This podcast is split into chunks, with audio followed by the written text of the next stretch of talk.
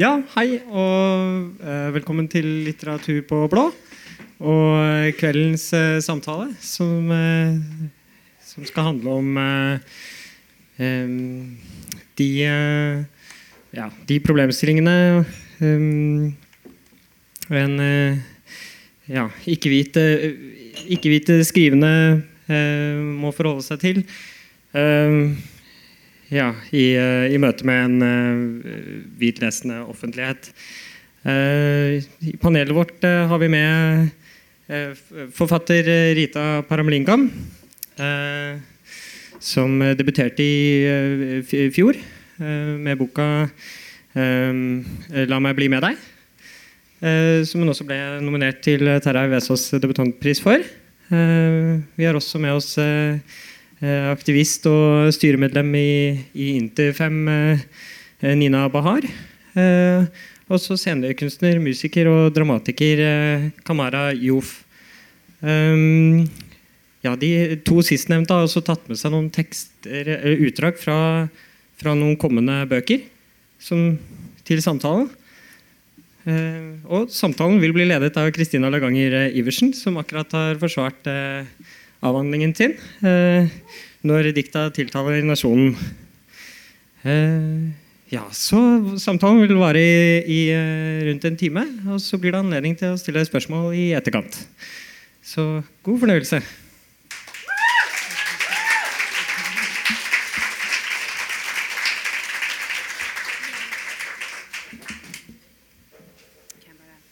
Ja.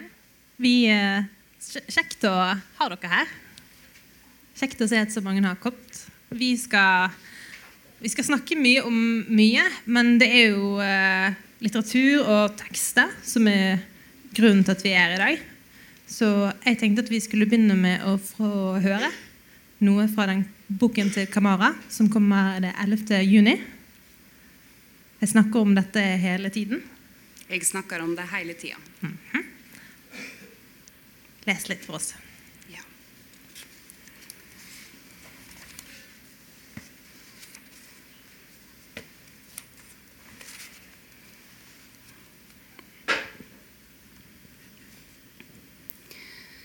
Kjære bror.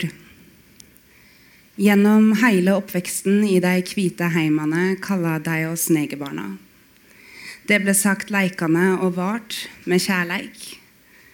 Mens tremenninger og fettere fikk være barna til onkler og barna til tanter, var vi alltid negerbarna til mamma.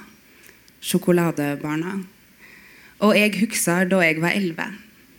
Jeg husker at hele kroppen din dirra. Du vibrerte. Det var bursdagen til mormor, og du prøvde å forklare alle de voksne på en gang at du ikke ville mer. At du ikke orka det ordet. At det ordet fikk deg til å rykke i kroppen din. At det var feil, at det gjorde vondt. Du blunka tilbake tårene, og røysta di auka i volum, og du var klønete og uartikulert og mer sint enn tydelig. Og du var 13.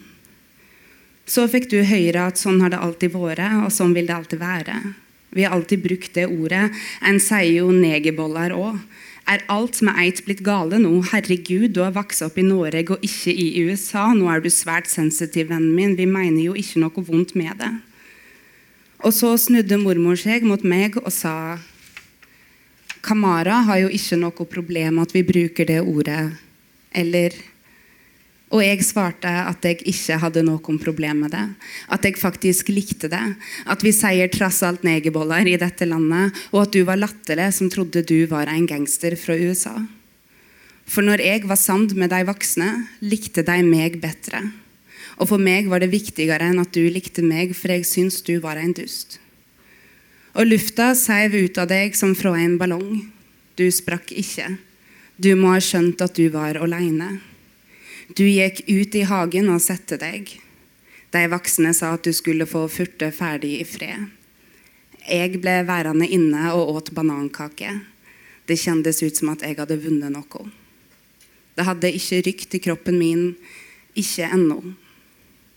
Jeg drømmer om det om natta. Du og jeg, vi har aldri snakka om dette. Og jeg har heller aldri bedt om årsaking. Men jeg lover å gjøre det før denne boka går i trykken. å slutte. Jeg bestemmer meg ofte for å slutte. Med jevne mellomrom bestemmer jeg meg for å slutte å snakke med hvite mennesker om rasisme. Somme ganger fordi det kjennes som bortkastet energi i møte med ei uproduktiv skuldkjensle. Skuldkjensla manifiserer seg ofte i tårer. Det hender jeg tenker at jeg blir betalt for å få folk til å gråte. Somme ganger bestemmer jeg meg for å slutte i møte med den innbitende forsvarsposisjonen hvitheta får når den blir minnet på at den er hvit. Ingen liker å bli minnet på hudfargen sin. Somme blir veldig sinte. Og samme hva jeg har å si, kan det sies nesten likså tydelig av andre hvite mennesker. Og de vil kunne si det uten at de koster deg så mye. Og kanskje folk vil lytte mer til deg. For det er meg en enorm emosjonell kostnad jeg har disse samtalene om og om igjen. Det er emosjonelt arbeid. I rolla som pedagog går jeg inn i en viss modus i alle disse samtalene. Det fins ingen dumme spørsmål, sier jeg. Jeg puster med magen og svarer, og pedagogen forlet meg ikke. Til slutt blir det vanskelig å skru henne av. Så når jeg sitter i en taxi i København, og sjåføren spør meg hvor jeg kommer fra og hva jeg gjør, så svarer jeg. Og når han spør om hva slags kunst jeg lager, så svarer jeg. Og når han spør om han kan stille meg et personlig spørsmål, så sier jeg ja. Og så spør han om jeg tror det er raseskilnad på å ligge med svarte damer enn med hvite damer. Han har alltid hatt lyst til å ligge med ei svart dame fordi vi kanskje har noe mer dyrisk i oss, i DNA-et på en måte. Eller tror jeg kanskje det handler mer om kultur enn om hudfarge? Og da svarer jeg han. Og pedagogen er på, så jeg svarer saklig og sakte med forståelige ord og ei røyst som ikke skingrer, ei røyst uten støy. Og jeg er mer tydelig enn sint. Og han takka meg for svaret og sier det hadde han ikke tenkt på, og at det skal han tenke mer på. Og neste gang skal han til og med kanskje tenke seg om. Og jeg betaler og går ut av taxien. Og jeg tar en sigarett før jeg trykker på ringeklokka til venninna mi. For jeg har ikke lyst til å være hun som igjen kommer stormende inn i leiligheten på besøk og får alt å handle om meg sjøl og noe som har skjedd meg. Dette skjedde meg. Som igjen får alt å handle om meg og hudfargen min. Så jeg tar en røyk før jeg ringer på. Trekker røyken djupt ned i lungene, drar han ned i magen.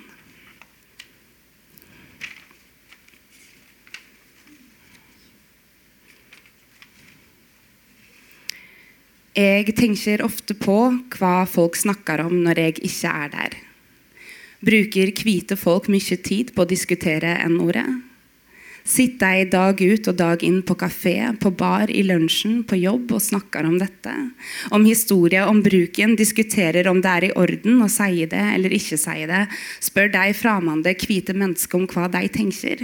Sier de til andre fremmede hvite mennesker at 'jeg har tenkt dette og dette', og jeg lurer på om du syns det er rasistisk. Kan jeg få kjøpe tida di? De fleste av vennene mine er hvite. Jeg bor i Skandinavia. De fleste mennesker rundt meg er hvite. Jeg tenker ofte at jeg bruker disproporsjonalt mye av tida mi på å snakke om rasisme, på å få spørsmål om rasisme, på å få tilsendt lenker om rasisme, inspirerende artikler, hysteriske memes. Facebook-feeden min renner over av deg. Algoritmene til Mark Zuckerberg har laga et ettokammer bare til meg. Og jeg lurer ofte på om dette er lenker som folk jeg kjenner, sender til andre folk de kjenner, som for å si 'dette er viktig'. Eller sender de dem bare til meg? Diskuterer de ordet 'neger' bare når jeg er der, eller sitter de på egen hånd og gjør det òg? Denne tanken gjør meg glad. Jeg tenker kanskje engasjementet stikker så djupt at jeg ikke er en trigger i rommet, en katalysator til å snakke om noe som er vanskelig. Jeg prøver å la være å ta det opp. Jeg tar det ofte opp. Det blir alltid tatt opp. Før jeg møter vennene mine, planlegger jeg hva jeg skal snakke om. Hvor mye har jeg snakka om rasisme denne veka, sist vi drakk øl? Hvor mye har jeg snakka om noe som har skjedd meg, skjedd andre? Jeg er et sanningsvitne. Jeg er et politisk prosjekt. Jeg er brun, men jeg er venn først. Først vil jeg være ei av deg rundt bordet som balanserer samtalen. Vi snakka litt om deg, vi snakka litt om meg, vi snakka litt om oss. Men når jeg er der, når hudfargen min er der, så er det vanskelig å skifte tema tilbake til deg etterpå. Det er vanskelig for deg, kanskje fordi du ikke vil verke respektløs. Det er vanskelig for meg òg. Jeg går sånn opp i det, jeg klarer ikke å slippe det. Jeg trenger at du tror meg. Helst vil jeg slippe. Det er bare det at når jeg setter i gang, så blir jeg monoman. Jeg blir anal. Jeg blir brun først, venn etterpå. Det hender jeg blir letta når noen kaller meg nigger framfor noen jeg kjenner. Jeg tenker der der så du det. Neste gang det kommer opp, så kan du få fortelle det. Du kan få gå på kafé neste uke sammen med noen andre og si at 'dette skjedde, dette skjedde deg'. Så slipper jeg. Og når jeg møter vennene mine på kafé to uker etter, og de andre spør hvordan jeg har det, og jeg ikke nevner episoden der noen sa 'nigger' på legevakta på Karl Johan på Oslo City eller i baren, så sier de at de vet det. De jeg hørt hva som skjedde, og de spør hvorfor jeg ikke sa noe. Og da kan jeg si at det var ikke noe spesielt. Det skjer så ofte hele tida. Jeg sier ikke ifra til dykk hver gang, selv om det verker som at jeg snakker om det hele tida. Jeg snakker om det hele tida. Og da tenker de kanskje å, hun er brun først. Og hun prøver å ikke være det. Hun er også en venn. Dette skjedde, dette skjer ofte, dette har skjedd flere ganger enn vi forstår. Og jeg slipper. For i min monomani så er jeg ikke bare brun først og venn etterpå. Jeg gjør dykk hvite først også. En til.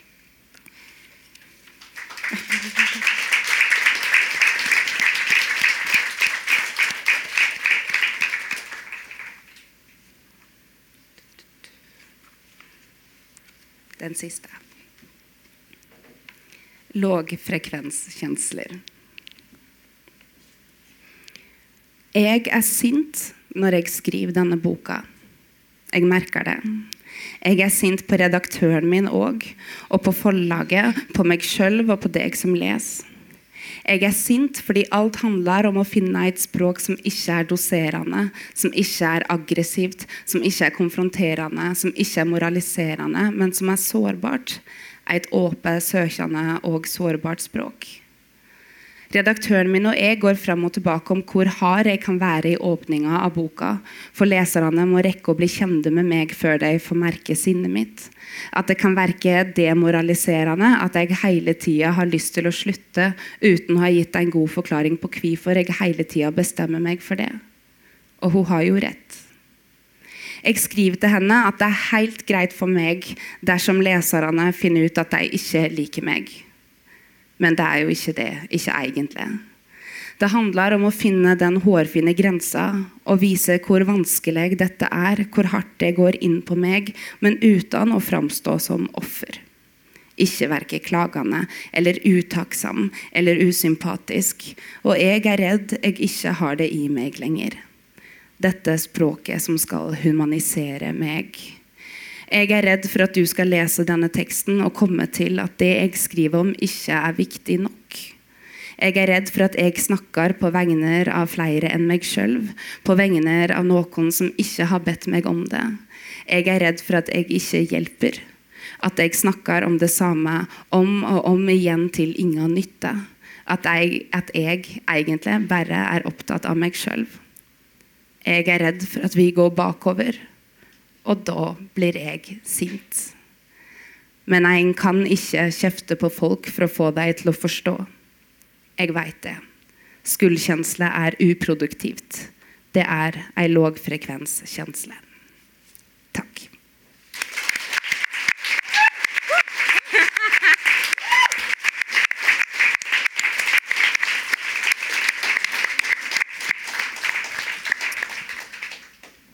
Første gang jeg eh, traff deg, så hadde du spilt utdrag fra en forestilling som heter 'Pavlovs tispe'. Den eh, forestillingen turnerte du med på skoler, og du turnerte i Skandinavia. Jeg var også en av de siste forestillingene på Stockholm Stadsteater. Og eh, når vi traff hverandre, så fortalte du at eh, du var litt lei av eh, dette med rasisme. Du var litt lei av eh, denne forestillingen som også har en del selvbiografisk utgangspunkt. Og eh, planen var å skrive en bok på ca. Ja, 20-30 sider om porno. Ja. Eh, og så ble det 96 sider. Om rasisme. Vil du fortelle litt om hvordan denne boken ble til? Ja, altså Det skal jo sies at dette er jo, i, det er jo egentlig et bestillingsverk, kan man kalle det. Jeg kommer fra teaterverden, egentlig, eh, som dramatiker. Eh, denne boka, korte lille boka blir gitt ut på Det Norske Samlaget. Eh, og de har 150-årsjubileum i år. Så de lager rett og slett en, eh, en serie eh, som heter Norsk røyndom, som skal ta for seg forskjellige aspekter av norsk virkelighet. Og da spurte de om jeg kunne tenke meg å skrive en bitte liten bok på 40 000 tegn om det temaet jeg valgte selv. Det måtte gjerne være norskhet eller inkludering eller hva enn, men du står helt fritt, sånn som det ofte er. Eh, står helt fritt til å skrive om nasjonal identitet eller hva enn du tenker på. Eh, hvor jeg bestemte meg for at jeg skulle skrive om, om pornografi. Eh, om min, eh, med utgangspunkt i min første erotiske drøm, som jeg hadde fra jeg var 11 til jeg var 22. Eh, som eh, En lang drøm? ja, en lang drøm. Jeg drømmer ofte i loop. Men en drøm som i korte trekk handlet om at jeg ble kidnappet inn på- et laboratorium, hengt på en vegg, og så tok alle forskerne og skrelte av seg sin egen hud og hadde masse tentakler under. Og så skrelte de av min hud, og så hadde jeg også tentakler under. Og så var jeg bare olje. Og så var det bare en kjempegangbang mellom meg og alle alien-forskerne. Og så viste det at vi var kjønnsløse og hudløse. Eh, som da jeg var liten, var for en elleveåring var en ekstremt skamfull drøm å gå og bære på. Eh, men som voksen så tenkte jeg shit, det, det ligger noe i det. Dette ønsket om å være hudløs, dette ønsket om å være kjønnsløs, som også farger veldig mye hvordan jeg ser på pornografi som voksen. Og det ligger veldig mye skam i det. At absolutt all pornografien jeg ser på, hele tiden går inn i rasifiering. At jeg ikke kan se pornografi hvor sorte kvinner blir behandlet dårlig, hvor asiatiske kvinner blir behandlet dårlig. Eh, men jeg kan helt fint se på porno hvor hvite kvinner blir behandlet dårlig. For det har jeg ikke noe problem med. Og det vil jeg gjerne ta et oppgjør med i litteraturform. Eh, Men jo mer jeg prøvde å skrive om det, jo mer innså jeg at vi er ikke i den norske samfunnsdebatten og samtidsdebatten på et sted hvor jeg kan få lov til å utforske den tematikken. Eh, fordi vi har ikke hatt de grunnleggende samtalene om hvordan det kjennes ut. Det er hele det grunnlaget om hvorfor, hvorfor eh, det har hatt så stor, stor påvirkning på meg å ha min hudfarge at eh, det infiserte drømmene mine og hele min seksualitet. Eh, så da innså jeg at jeg måtte skrive denne boka først. Sånn at jeg kunne skrive om eh, alien-porno etterpå. Ja. Vi gleder oss til å lese boken eh, om alien-porno også. Men eh, først, jeg har fått lese dette, dette eh, trykkeklare manuset. Det, det tror jeg blir stort for mange å lese. Vi skal snakke mer om skal snakke mer om alle sine bøker, men jeg tenker vi skal gå litt videre. Dette er jo en som dere skjønner, selvbiografisk sakprosatekst. Nå skal vi gå videre til å høre litt fra en roman. Eh, Jeg tenkte vi kunne høre litt fra alle de tre bøkene til disse tre fantastiske skribentene. Eh, Og så kan vi prate mer om noen av eh, ja, kanskje noen fellestrekk og kanskje noen eh, ulikheter etterpå. Du, Rita, det traff jeg første gang på Runar Fjellanger sin slippvest. Der du eh, Jeg leste i hvert fall, men du leste også? Nei. Nei, jeg trodde du leste. Da jeg hørte det en annen gang. Men Du skal lese fra boken 'La meg bli med deg', som du fikk eh, kom ut i fjor. Fikk fantastisk gode anmeldelser for. Eh, det er en eh, roman, og jeg har fått lov til å plukke ut et utdrag. Eh, det gleder vi oss til å høre. Jeg tror ikke at jeg kommer til å lese like mye som Kamara, men det, det, det, det var veldig bra at du gjorde det. Men jeg tror ikke jeg trenger å gjøre det. Eh, Skal jeg si noe om boka først? Det kan du få velge hvis du vil. Eh, jeg, jeg har jo gledet meg veldig til denne samtalen. Ikke fordi jeg vet hva jeg skal si, men fordi det å være en rasifisert forfatter i, i Norge um, betyr noe, da. Det er ikke sånn at man ja, får lov til å måte, bare være forfatter. Jeg tenker at mye av det Kamara har snakket om, også ja, er om noe jeg og sikkert også veldig mange andre møter på. da. Og jeg tenker at det du sa om kjønnsløshet og hudløshet altså I denne boka her så uh, møter vi en 14-åring som, uh, som, har et ikke så veldig bevisst forhold til hvem hun er i verden. Uh, og det er ja, et bevisst valg. og noe jeg har jobbet mye med i å gjøre ferdig denne boka, var nettopp at hun ikke skulle tenke så mye på hvem hun var, fordi hun ikke hadde tid til det eller ja, muligheten til det. da.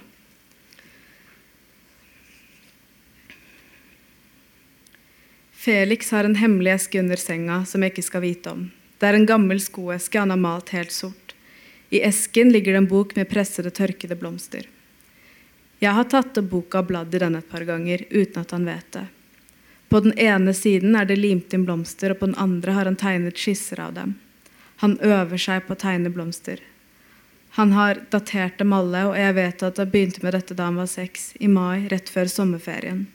Den første blomsten i boka er en ballblom. Det var den han fant den dagen han ble borte. Den søndagen Felix ble borte, hadde jeg vasket klær for første gang etter at mamma hadde lært meg å bruke vaskemaskinen. Jeg smurte brødskiver med ost og ropte at han måtte komme, komme og spise. Jeg spiste skivene mine mens jeg sto og så ut mot hagen, festet blikket et sted litt forbi, på grantrærne som skiller vår tomt fra naboens. Jeg gikk inn på kjøkkenet og ropte på Felix igjen. Sist jeg hadde sett han var det formiddag, flere timer siden. Han hadde sittet i sofaen og sett på TV. Jeg begynte å lete etter han. Han var ikke på rommet vårt, ikke på badet, og han lå heller ikke og sov i stua. Jeg så ut på den råtne terrassen vi aldri fikk være på. Kanskje han hadde gått ut på den, men han var ikke der heller. Det var ikke noe hull i treverket, så han kunne ikke ha falt gjennom. Jeg tok på meg de gule gummistøvlene, som var altfor store for meg. De hadde hull i sålen, men jeg kunne gå gjennom buskas i hagen med dem uten å få skrapt opp bena mine. Det var fint vær den dagen. Bakken var tørr og brun, liksom sprukket opp. Når det regner, blir det alltid gjørmete der ute. Og når det øser ned, er jeg alltid litt redd for at huset skal skli og synke. Jeg ropte navnet hans høyt. Kan du gi et pip hvis du hører meg nå? Jeg gikk opp og banket på døra til mamma. Hun åpnet og så på meg og gjespet. Jeg spurte om hun hadde sett Felix. Jeg finner han ikke, sa jeg. Let igjen, sa hun og skulle til å lukke igjen døra. Jeg har lett overalt, sa jeg. Hun sukket og tok på seg en lysrosa genser over den tynne, blå blusen, gikk ned i stua og ropte på han. Hun ventet med hendene på hofta, men han dukket ikke opp. Jeg fulgte etter henne mens hun begynte å åpne skapdørene og spurte om vi hadde lekt gjemsel i dag, eller om han pleide å forsvinne på denne måten ofte.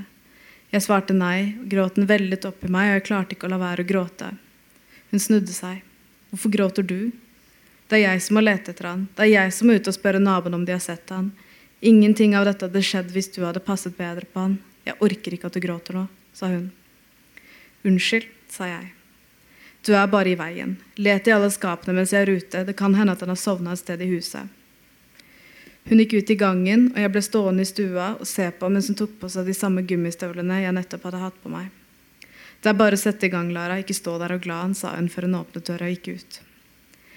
Jeg gikk gjennom alle skapene igjen, bortsett fra de på rommet hennes. Jeg kom meg ikke inn på loftet, luka var altfor høyt oppe til at jeg kunne dra den ned med jernstanga, men det ville ikke Felix ha klart heller. Jeg sto i stua da hun kom tilbake. Hun satte seg i sofaen. Jeg turte ikke stille spørsmål.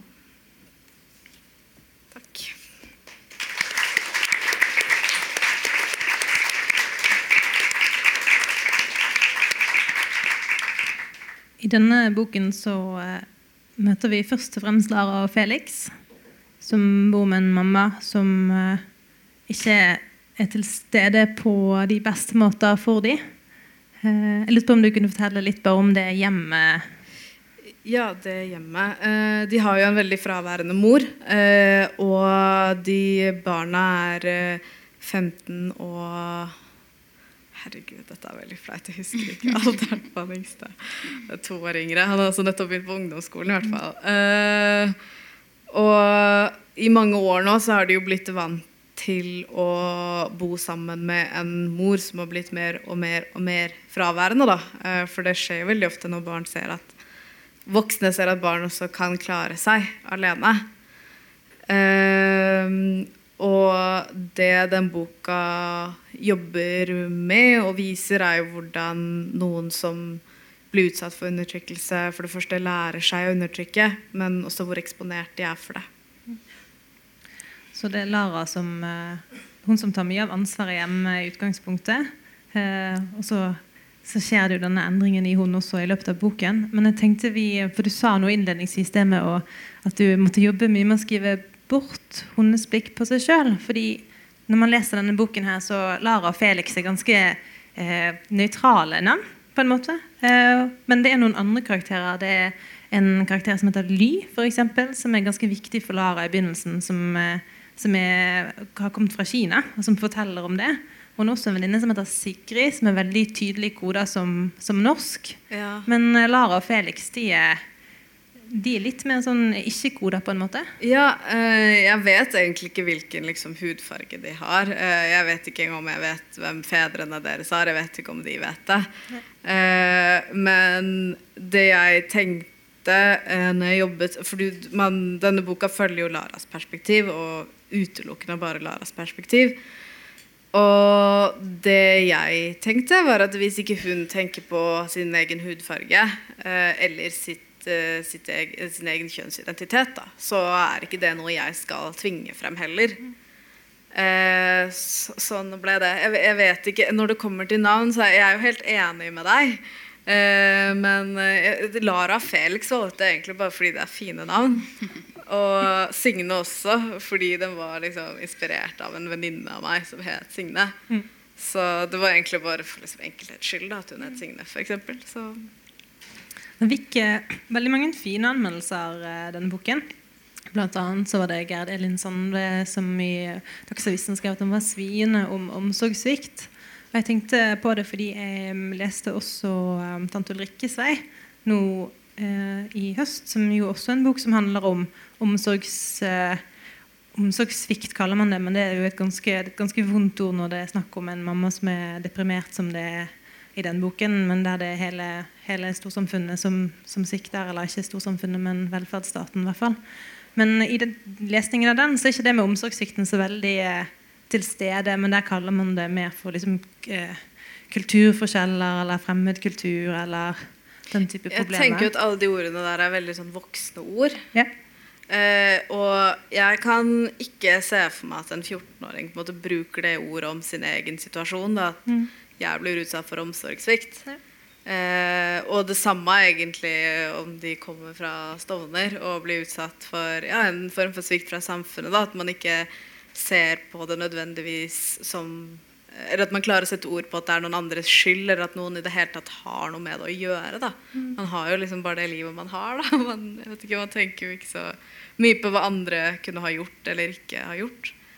Så det er veldig fint hvordan det er utenfra-blikket på denne jenten, verken når det kommer til hennes klassebakgrunn, eller når det kommer til det hjemmet hun har eller ikke har, eller når det kommer til hvem hun er. At hun har ikke den bevisstheten på godt og vondt. Nei, og så har jeg jo møtt en del folk som er veldig sånn der, Å, man må hjelpe et sånt barn, da. Mm. Og jeg, jeg, er veldig usikker på det selv. Uh, jeg tenker at liksom Ja, at, at når noen som er som Lara, da, og så selv om, de vet, selv om, hun vet veldig lite om hva som er best for henne, så er hun ganske sikker på at, uh, at hun skal bli det hjemme. Hun skal liksom passe på broren sin. da. Uh, så jeg, jeg, tenker liksom at jeg, jeg, den debatten etterpå om hvordan man skal hjelpe et barn, syns jeg er veldig viktig. Uh, men også at det ikke skal gjøres ved tvang, da, og at det ikke skal være påtrengende eller inntrengende. Um, men vi har liksom snakket om strategier, uh, og jeg tenkte jeg skulle spørre om For når denne boken kom ut, uh, var, det sånn, var det noen som måte leste inn noen, noe etnisitet der? og Var det en strategi å utelate det, eller vil du på en måte prate ja, litt om det? Ja, det, det, som skjedde var at Før den boka kom ut, eller uka før den kom ut, så ble jeg intervjuet av en journalist som kom hjem til meg, og så sa hun du har vel blitt kontakta av veldig mange aviser. Og jeg sa nei, hvorfor tror du det? Og sa ja, men du har jo skrevet en innvandrerroman. Og så sto jeg der og bare tenkte herregud, dette er superkleint. uh, så sa jeg bare sånn Ja, nei, hvorfor tror du det? Hva fikk deg til å tenke det? Og så var det sånn Nei, hovedpersonen bare De heter jo Lara, så jeg bare tenkte at uh, Ja, og så bare var hun flink, da, så hun klarte liksom å ro seg ut av det. Men jeg husker liksom at jeg bare kjente skikkelig på den der Oi, nå har ikke jeg liksom fullført det behovet det er i altså jeg har, ikke, jeg har ikke svart til det behovet det er i samfunnet for sånne såkalte innvandrerromaner. da. Uh, når jeg skriver en bok om det jeg vil, så er ikke det interessant. Uh, det er en ganske kjip følelse å sitte med en bok en uke før boka di slippes ut. da. Uh, men jeg har jo aldri fått det presset fra forlaget, og jeg husker at jeg også syntes at det var noe av det fineste ved å jobbe med hun redaktøren jeg hadde da fordi da gikk jeg jo til henne med tre tekster, og så ville hun at jeg skulle fortsette med den her. Og en av de andre var jo veldig mye mer selvbiografiske. Og jeg husker at jeg var så glad for at hun ikke mente at hvis jeg skal skrive noe, så er det bare interessant når det er selvbiografisk. da. Det er jo et eh, liksom, dilemma her eh, på den ene siden mellom det å kunne fortelle om sine historier og erfaringer og få de sett, og et press til å skulle gjøre det. Som jeg tenker flere av tekstene tar opp i seg, den ambivalensen. Og vi må snakke litt mer om ambivalensen i din bok, Kamara. Men jeg tenkte kanskje vi skal få høre litt eh, fra ditt manus, Nina. Vi er veldig heldige her for eh, Nina Bahar, som jeg sendte Jeg så på vår Facebook-chat at jeg sendte en melding til deg i januar i fjor, når du hadde hatt en fantastisk eh, et og flere fine debattinnlegg i VG, der du bl.a. skrev til Kjetil Ronnes at han var veldig flink i norsk. Ja, det var veldig populært. Ja. Da sendte jeg en sånn slags antirasistisk fangirl-melding til deg, for vi hadde aldri snakket med hverandre. Det var veldig hyggelig. Ja. Eh, men eh, så Du er kjent, som, eh, kjent for mange som bl.a. aktivist og debattant, men du skriver også på en bok. Og det, den er vi så heldige at vi skal høre utdrag fra. Ja. Ja, jeg tenkte jeg skulle lese um, Kristin har hjulpet meg med å velge ut et utdrag også. Det her er en del som foreløpig heter 'Jeg husker'. Svaret ligger egentlig i minnene mine. Jeg går dit. Noen ganger går jeg til minnet for å få svar. Andre ganger fordi jeg dras dit. Det ligner på et mareritt jeg har hatt flere ganger, hvor jeg er fanget i en boks. Hver gang jeg beveger meg, kjenner jeg veggene og taket mot kroppen min. Boksen får meg til å ligge helt i ro, kun gjøre bitte små bevegelser, sånn at jeg ikke blir truffet av alt som omringer meg. At jeg ikke blir slått av vegger og tak. Det verste inntreffer når marerittet blander seg med en halvvåken tilstand. Jeg sover, men jeg er også våken, i hvert fall føles det sånn. Det er først da, i en halvvåken tilstand, at jeg merker at det ikke er jeg som er for stor for boksen. Den er altfor trang for meg. Jeg blir holdt oppe og nede samtidig, ikke av meg selv, men av noe annet som jeg ikke slipper ut av. Og kroppen min stivner helt. Jeg roper til kroppen min at den skal bevege seg. Finne en vei ut av boksen, men den våkne delen av meg klarer ikke å overstyre den drømmende delen. Ropene er lydløse. Jeg forblir bevegelseløs helt til jeg våkner og spreller med kroppen min. Jeg fortsetter med raske bevegelser en stund etter at jeg har registrert at jeg har sluppet ut av boksen. Bare for å ta igjen tapt bevegelse. Bare for å forsikre kroppen min om at det hele var en drøm. Svaret ligger i kroppen min. Likevel leter jeg etter flere spørsmål som kan gi meg flere svar. Jeg bruker egne og andres minner til å lage et lappeteppe av sannheter. Aller helst har jeg lyst til å stole på mine egne opplevelser, men jeg hører for mange stemmer som former en trang boks rundt meg. Er du sikker på at det var det som skjedde? Tror du ikke de mente noe annet? Tror du ikke at du bare overdriver? Det er ikke alt som kan huskes. Minner forvaltes ikke jevnt. Mange nok må huske for at det skal få plass i det kollektive minnet. I det ligger noe av paradokset med minner. For hver gang det huskes, kan det forvrenges, men det må huskes mange nok ganger til å bli en sannhet. Det som ikke huskes, kan glemmes. Jeg husker mye.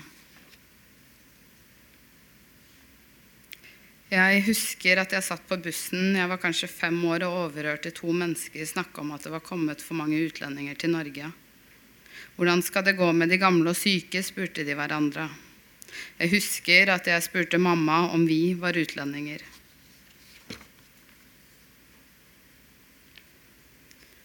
Jeg husker at søsteren min og jeg begynte å synge til en bussjåfør. En bussjåfør, en bussjåfør, det er en mann med godt humør. Jeg var kanskje fire år. Jeg husker at vi ble avbrutt fordi, avbrutt fordi han ble sint. Han ba oss om å holde kjeft. Jeg husker at han kalte oss for utlendinger. Jeg husker at mamma fortalte meg at han sikkert hadde en dårlig dag. At han kanskje var lei seg fordi han selv ikke kunne synge like fint som oss. Jeg lurer på hvordan jeg selv ville reagert hvis jeg var mor og barna mine ble snakket til på den måten. Jeg husker da søsteren min og jeg sluttet å snakke farsi til hverandre. Det skjedde nesten umiddelbart etter at vi fikk høre en pappa på lekeplassen at i Norge snakker vi på norsk, ikke på utlending. Jeg husker at både barnehagen og skolen ikke tillot oss å snakke morsmålet vårt. Etter hvert ville jeg skjule det iranske ved meg. Jeg skammet meg. I dag skammer jeg meg mest over skammen. Jeg husker da jeg lærte å skrive. Fra før kunne jeg skrive navnet mitt. Nina hadde jeg lært utenat. Jeg kunne også herme, skrive andres ord. Jeg fikk det til, selv om bokstavene ofte ble speilvendt. Jeg husker at det første jeg lærte å skrive som på ordentlig, var Arild, navnet til en ansatt på førskole, førskolen jeg gikk på. Jeg var så stolt av at jeg hadde skjønt hvordan bokstaver skulle tvinne sammen for å gi mening, bli til ord. Jeg husker ikke når jeg lærte å skrive på farsi. Det har jeg ingen minner fra. Jeg tror det var omtrent samtidig. Hvorfor er det noen som ikke liker oss fordi vi er utlendinger? Ut fra det andre som står der, ser det ut som at jeg var åtte år da jeg skrev dette, men det kan ikke stemme. Jeg må ha vært eldre. Jeg hadde en tendens til å fylle kladdebøker med setninger som vanligvis hører hjemme i dagbøker. For meg var alt en dagbok. Jeg hadde mange tanker jeg ville dele, tyde, gi mening til. Kanskje dette var en av de første hele setningene jeg skrev. Jeg må ha vært eldre enn åtte år da jeg skrev dette. Kanskje jeg var ni, ti, elleve eller tolv år. Jeg husker ikke om jeg forventet et svar. Jeg husker ikke om det var én spesifikk hendelse som fikk meg til å skrive denne setningen. Jeg husker ikke hva jeg tenkte da jeg skrev det. Jeg husker ikke engang at jeg skrev det. Uansett hvor gammel jeg var, blir, det, blir, denne setningen stående som det første materielle beviset på at min søken etter å forstå rasisme starta tidlig. Jeg har også senere bevis i dagbøker. Jeg har skrevet, at, jeg har skrevet rasisme når jeg ble spurt om hva jeg hater. Jeg hatet rasisme som barn. Skjønte jeg egentlig hva rasisme var? Behovet for å forstå har fulgt meg siden den gang. Jeg prøver fortsatt å forstå hvordan det har formet meg. Men mest av alt, jeg prøver å forstå hvorfor rasisme fortsatt tar stor plass i meg når den er usynlig for så mange andre. Jeg føler meg fanget mellom to forskjellige kulturer, samtidig som at jeg føler en viss avstand til begge to. Jeg opplever stadig vekk diskriminering og nedverdigende blikk pga. min hudfarve og bakgrunn, og det går virkelig inn på meg. Mennesker som ikke kjenner meg, antar at jeg enten er kriminell eller en såkalt snylter av samfunnet. Jeg føler meg også krenket når media fremstiller oss som om vi er noen ville dyr uten normer eller oppdragelse. Dette skrev jeg i en skoleoppgave da jeg var 15 år. Hvorfor skrev jeg dette? Følte jeg en avstand til begge kulturer, eller følte jeg meg avvist fra én? Jeg husker at jeg holdt et foredrag om rasisme for en skoleklasse. Jeg må ha vært 20 eh, år da, kanskje 19. Jeg leste opp skoleoppgaveteksten, den som jeg skrev som 15-åring. Jeg var flau, så jeg presenterte det som en tekst noen andre hadde skrevet. Jeg husker at elevene sa at de ikke likte utlendinger, de kalte seg selv for rasister. Jeg spurte om jeg var utlending, og to elever svarte ja. De andre lo.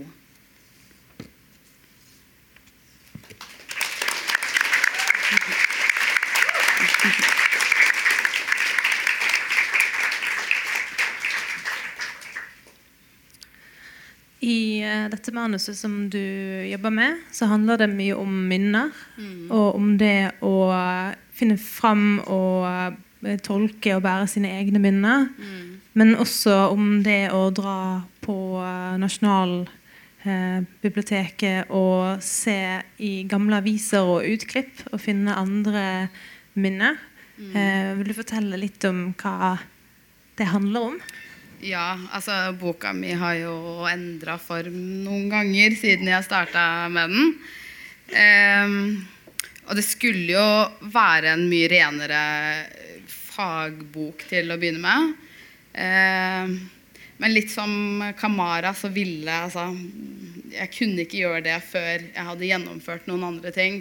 Ehm, og det her med minner og det å grave i Nasjonalbiblioteket handler jo nettopp om å grave i minner som har eksistert i mitt liv, og som har eksistert i familien min sitt liv eh, helt fra jeg var bitte liten, men som jeg på flere måter ikke klarte å stole helt på. Jeg trengte å ha et eksternt Altså, jeg trengte håndfast eh, bevis, jeg trengte materiell, jeg trengte, trengte et utenfra-blikk blikk som kunne bekrefte disse minnene som vi hadde, som henger sammen med mye av motivasjonen min til å skrive det her. Eh, og ikke bli trodd, og ikke bli forstått. Og, eh, og føle på at jeg hele tiden må Litt sånn som Kamara var inne på i teksten sin, med 'Jeg håper at noen av vennene mine hører at det blir sagt til meg'. Eh, for det er hverdagen. Det er sånn jeg opplever hele tiden. Eh, og helt konkret var den søken på Nasjonalbiblioteket det første minnet som har stått, stått veldig sterkt i familien vår. Og det er fra da vi ble bosatt i eh, et sted som heter Trøgstad eh, i Østfold. Eh, hvor jeg visste at vi hadde blitt utsatt for ganske mye rasisme. Eh, og jeg visste at huset vårt var, eh, hadde blitt vandalisert. Jeg visste at vi hadde mange fiender i Trøgstad. Eh, og det her hadde mamma fortalt meg, og, ville, og hun hadde også fortalt meg at det fantes nyhetsartikler om det her. Det her skrev til og med avisa om. Eh, men vi fant det ingen sted hjemme. Så jeg, eh, det ble nesten en besettelse. Jeg måtte finne det. Jeg måtte finne det, jeg måtte finne beviset. Eh, og når jeg først fant det, så var det Ja. Eh, det var vel kanskje da jeg begynte å problematisere og tematisere det her med minner. Fordi, for det første var det helt Det var, det var veldig rørende. Det var veldig rart å se eh, meg selv som barn i en avis.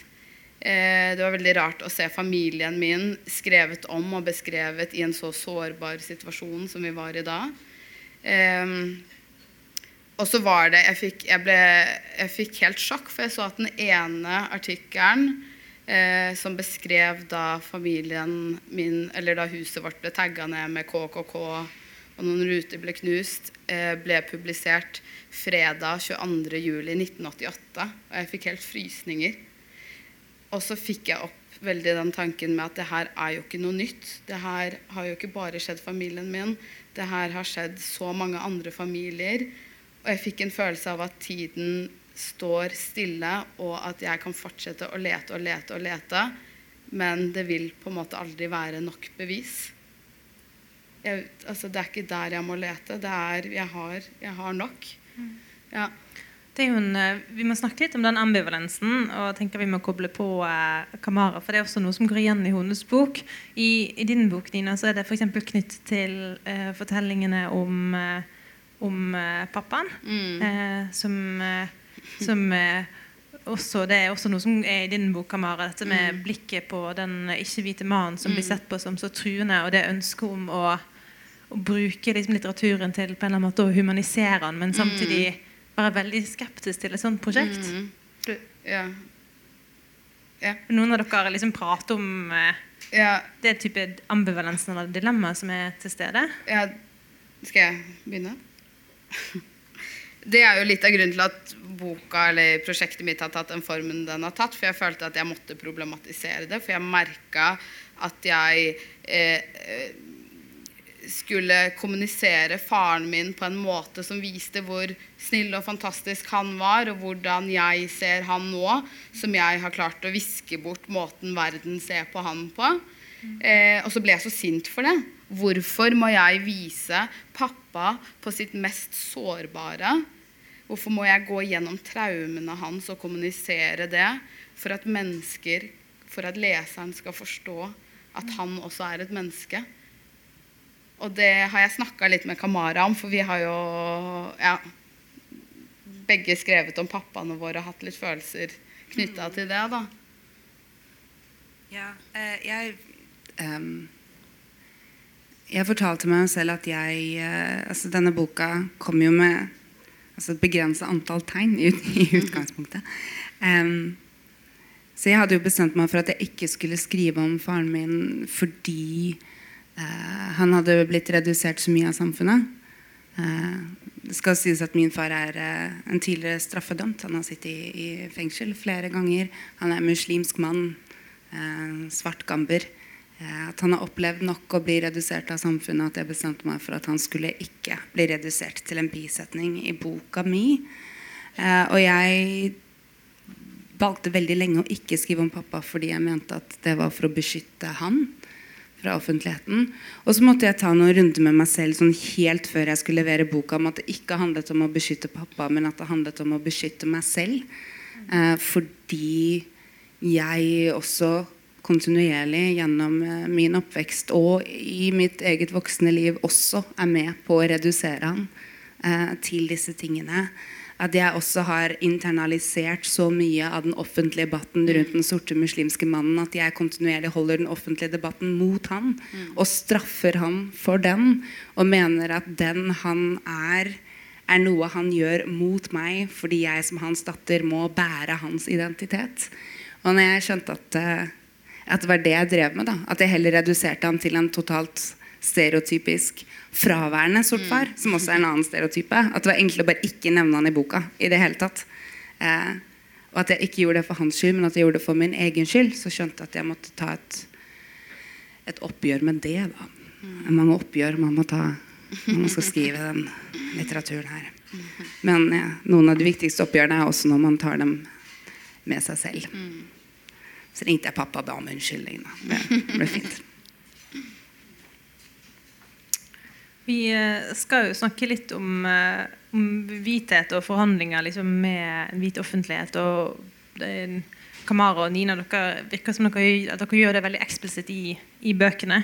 Eh, din bok, Rita, der er kanskje liksom jeg tenker litt på de bokpermene som en litt sånn magisk skjold.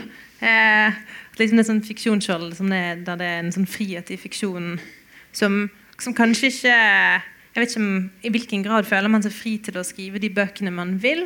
Og i hvilken grad føler man at det er noen, det er noen forventninger eller det er noen eh, blikk på seg som gjør noen, eh, gjør noen ting nødvendig eller ikke nødvendig? Det tenkte jeg vi kanskje kunne prate litt om. Men før vi gjør det, så tenkte jeg jeg må være litt, av og til når man skal ha sånn samtaleleder, så må man jo være litt dum. Og jeg vet f.eks. at du, Kamara, som har jobbet mye i teaterbransjen, du har ofte blitt møtt sånn med Men skal man lage teater om, om rasisme? Er det ikke alle som går på teater, sånne folk på venstresiden og, eh, og som er antirasister? og på en måte, er det noe, Har vi noe å snakke om? Og det samme kan man jo ikke tenke om litteraturverden. Så jeg tenkte altså, er, er det noe du blir møtt ofte med? Ja. Ja. Eh, nei, man blir jo også ofte møtt med en eh, så det er som jeg i utdraget eh, Som Kristine har også valgt mine utdrag. Si, stålkontroll på den debatten her. Eh, som jeg nevnte i begynnelsen av eh, utdrag nummer to, dette med den forsvarsmekanismen som hvitheten får når den blir minnet på at den er hvit. At spesielt innenfor kulturliv, da, kultursektoren Jeg har jobbet mye som kulturpolitisk rådgiver. Jeg har jobbet inn mot Norden, mot EU, mot eh, kunstinstitusjoner.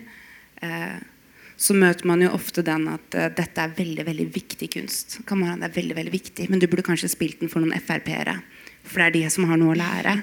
At denne ideen om at vi har ingenting å lære av det du skriver fordi vi er allerede på ditt parti.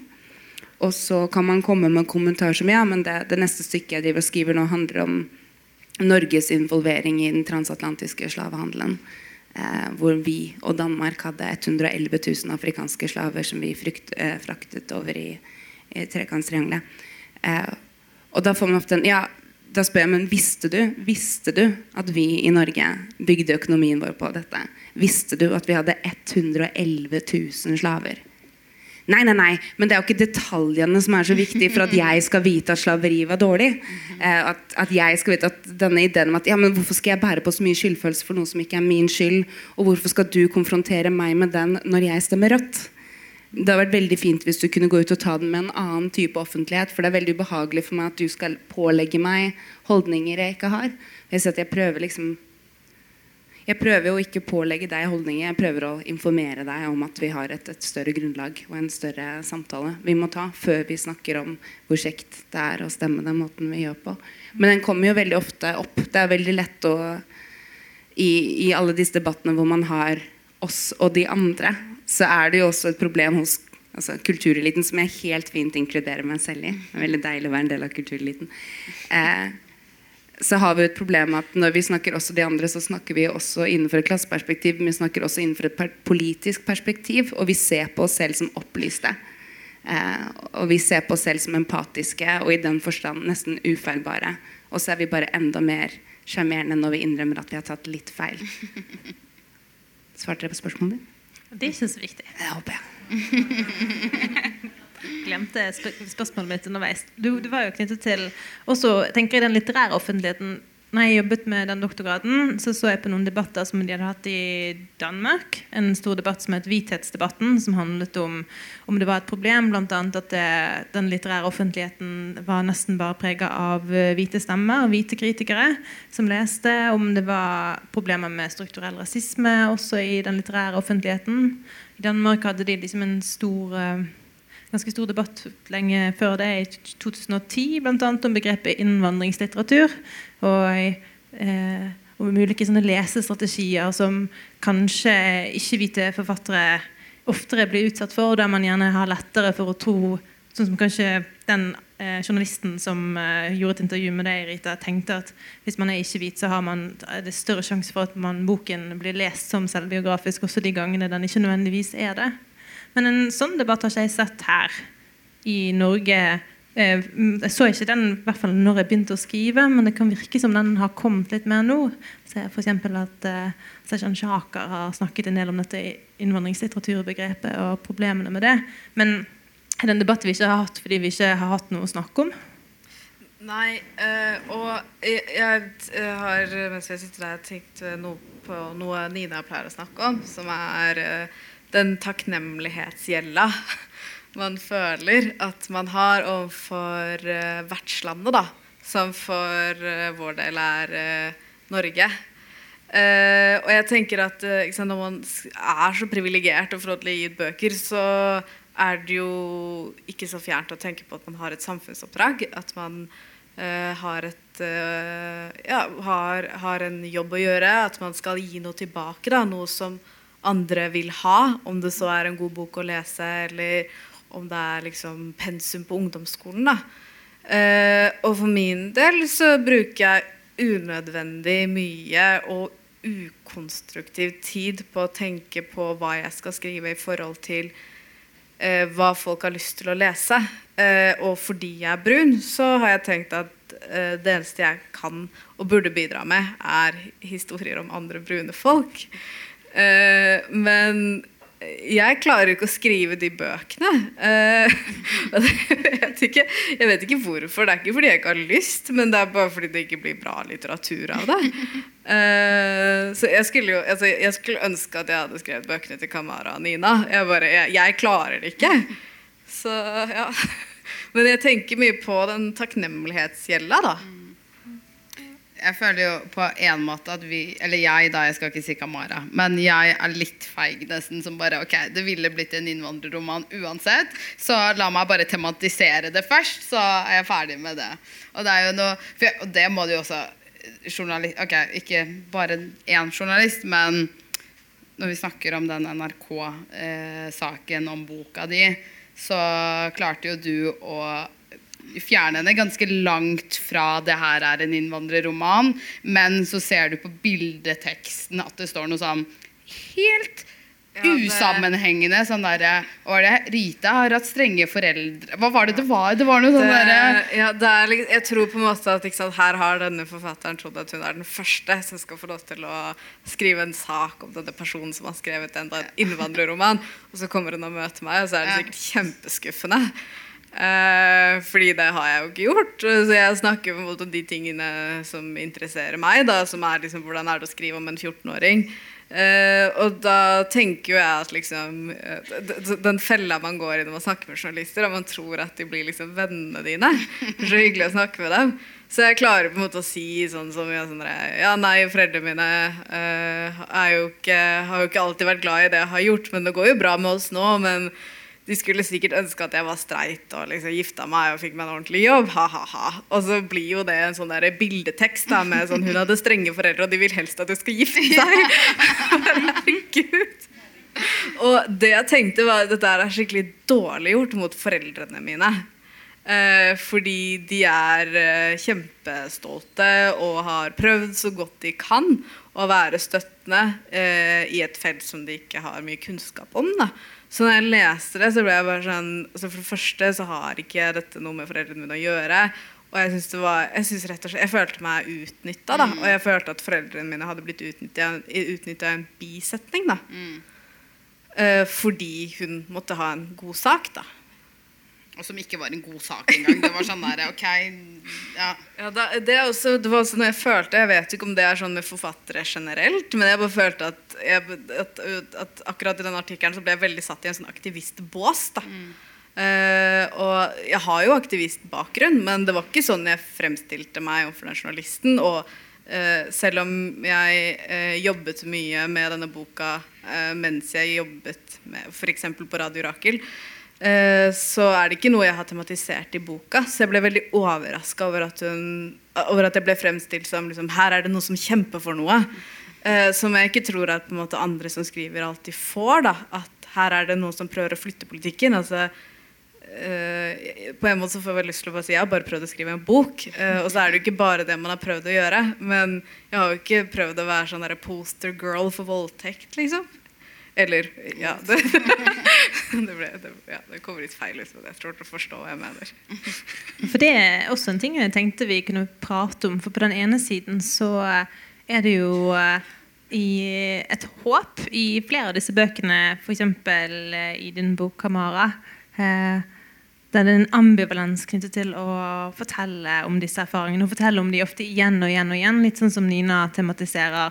Når, når blir det nok vitnesbyrd, eller hva, hva gjør man egentlig, og skal jeg sette meg i denne posisjonen? Men samtidig er det et sånn håp om hva litteraturen kan gjøre.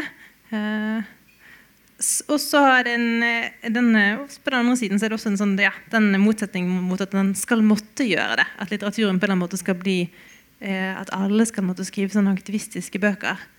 Men jeg tenkte Vi begynner jo å nærme oss eh, vi, den timen vi skulle ha, så jeg ville liksom dreie oss, vi skal snakke litt til. Men jeg tenkte vi skulle snakke litt om litteratur. Om bøker. Og om hva bøker kan bety. Eh, jeg tenkte vi kunne begynne å snakke om hva bøker liksom har betydd for dere i skriveprosessen. Hæ? Hvilke bøker liksom har vært viktige, har dere, har dere lest? Og hva håper dere liksom at, at bøkene kan være og, og gjøre? da? Det er en sånn stor debatt innenfor dette her litteraturvitenskapsfeltet nå, som handler om liksom, hva er litteraturens verdi. Og litteraturvitere snakker jo alltid om det sånn her oppe med sånne ville termer, men folk som skriver, er ofte litt mer sånn konkret og håndfast. Så hva, hva, hvordan leser man sjøl? Hva får man ut av det å lese, og hva håper man at liksom, bøkene kan gjøre? Um, jo, uh, uh, jeg tror for meg så handler det jo i veldig stor grad om Det var du som lærte meg dette begrepet. The anxiety of influence. The poet's anxiety of influence. Som er eh, er kjempeskummelt. Altså den ideen om at man skal altså gjenbruke, at man skal ta noe fra noen andre, at man skal inkorporere det i sitt eget, at man ikke skal være var på det. Og det er jo noe jeg har vært var på når jeg har skrevet teater tidligere. Eh, men i den prosessen her med å skrive denne boka, så merker jeg jo at jeg jeg er jo hele tiden kjemperedd for at man skal gå over den grensa hvor man snakker for mye om det, fordi det høres ut som at man klager at det går for langt. At vi har plass til én eller to bøker, men vi har ikke plass til veldig mange. Det er vel samme historien som reproduseres, er det ikke? Buhu, nazister. Eh, så så når jeg, jeg leste at Nina hadde fått skrivestøtte til å skrive sin bok, så fikk jeg helt panikk. og bare, shit, Hvis hun gir ut bok før jeg gikk bok, så kan ikke jeg gi ut bok. Da må jeg skrive om noe helt annet hvis Nina har skrevet bok. Og så var jeg sånn, Nina, når kommer boka di ut? Og hun bare, nei, til høsten eller neste år. Ok, men da gir jeg min ut før sommeren, og så, er det liksom, så har jeg tatt det territoriet. Da er det greit. Da slipper jeg å forholde meg til det. Den der type panikk, da, at man skal Ja, og jeg også fikk med din, og jeg har ikke turt å lese boka di. Vi startet jo med å skulle liksom veksle det. Vi sitter i den her spør, ja, men jeg skriver om minnet. Jeg skriver også om minnet. Ja, og jeg skriver om når jeg ble banket opp av nynazister da jeg var 14. Jeg skriver om når nynazister tagget ned huset vårt, og så ble det sånn standoff. Og så ble det sånn, Jeg tror ikke jeg skal lese, jeg skal bare skrive, så vi, vi snakkes etterpå. Men jeg tror at det der eh, er veldig vanlig i måte, den bransjen vi er i. da Hvor det er mye konkurranse, hvor man føler at det ikke er plass til alle historier. Og det er kjipt. Jeg tror forlagene ville ha syntes det hadde vært kjipt hvis liksom ja, man gir ut på en måte bøker om samme tema. Da. Så det har jo noe med den bransjen Men gjør vi som hele bokbransjen. Jo, vi gjør det. Gjør vi ikke det hele tiden? Kjærlighetssorg, Syns ikke jeg leser om det. studietid, bildungsromaner. Men eh, ja, jeg vet ikke om liksom forlagene også kanskje kan eh, se litt på hvordan de jobber med det. da, altså Hvordan de jobber når de eh, ønsker historier eh, om hvordan rasisme føles på kroppen, f.eks. At det ikke er sånn derre Å, nå har vi liksom klart å få vår eh, bruning eller rasifiserte person, da, og de skal gjøre denne jobben så bra at eh, Ja, jeg vet ikke. Det er jo kanskje dere Ja, eller så, og så er det ikke sikkert det hadde vært like stort behov for det hvis vi allerede hadde vært en del av litteraturverdenen, og det hadde vært en del av det andre vi skrev. Men, og det begynner vi jo å bli, som du nevnte, Kristina. Men det er jo, altså jeg har ikke turt å lese boka til Kamara. Vi har jo snakka om det her. Og det er jo Det føles jo som to bøker og mye av det samme. Men, eh, men det er jo ikke det. Nei. Og også fordi jeg ikke er innvandrer. Ja. Eh, og det er også det spørsmålet om liksom innvandringsroman. Når folk legger det perspektivet i Så jeg er født i Bodø. Eh, og mammaen min er fra Mosjøen. Eh, og jeg heter Lundestad og deler navn med han som drev Nobelsenteret. Liksom.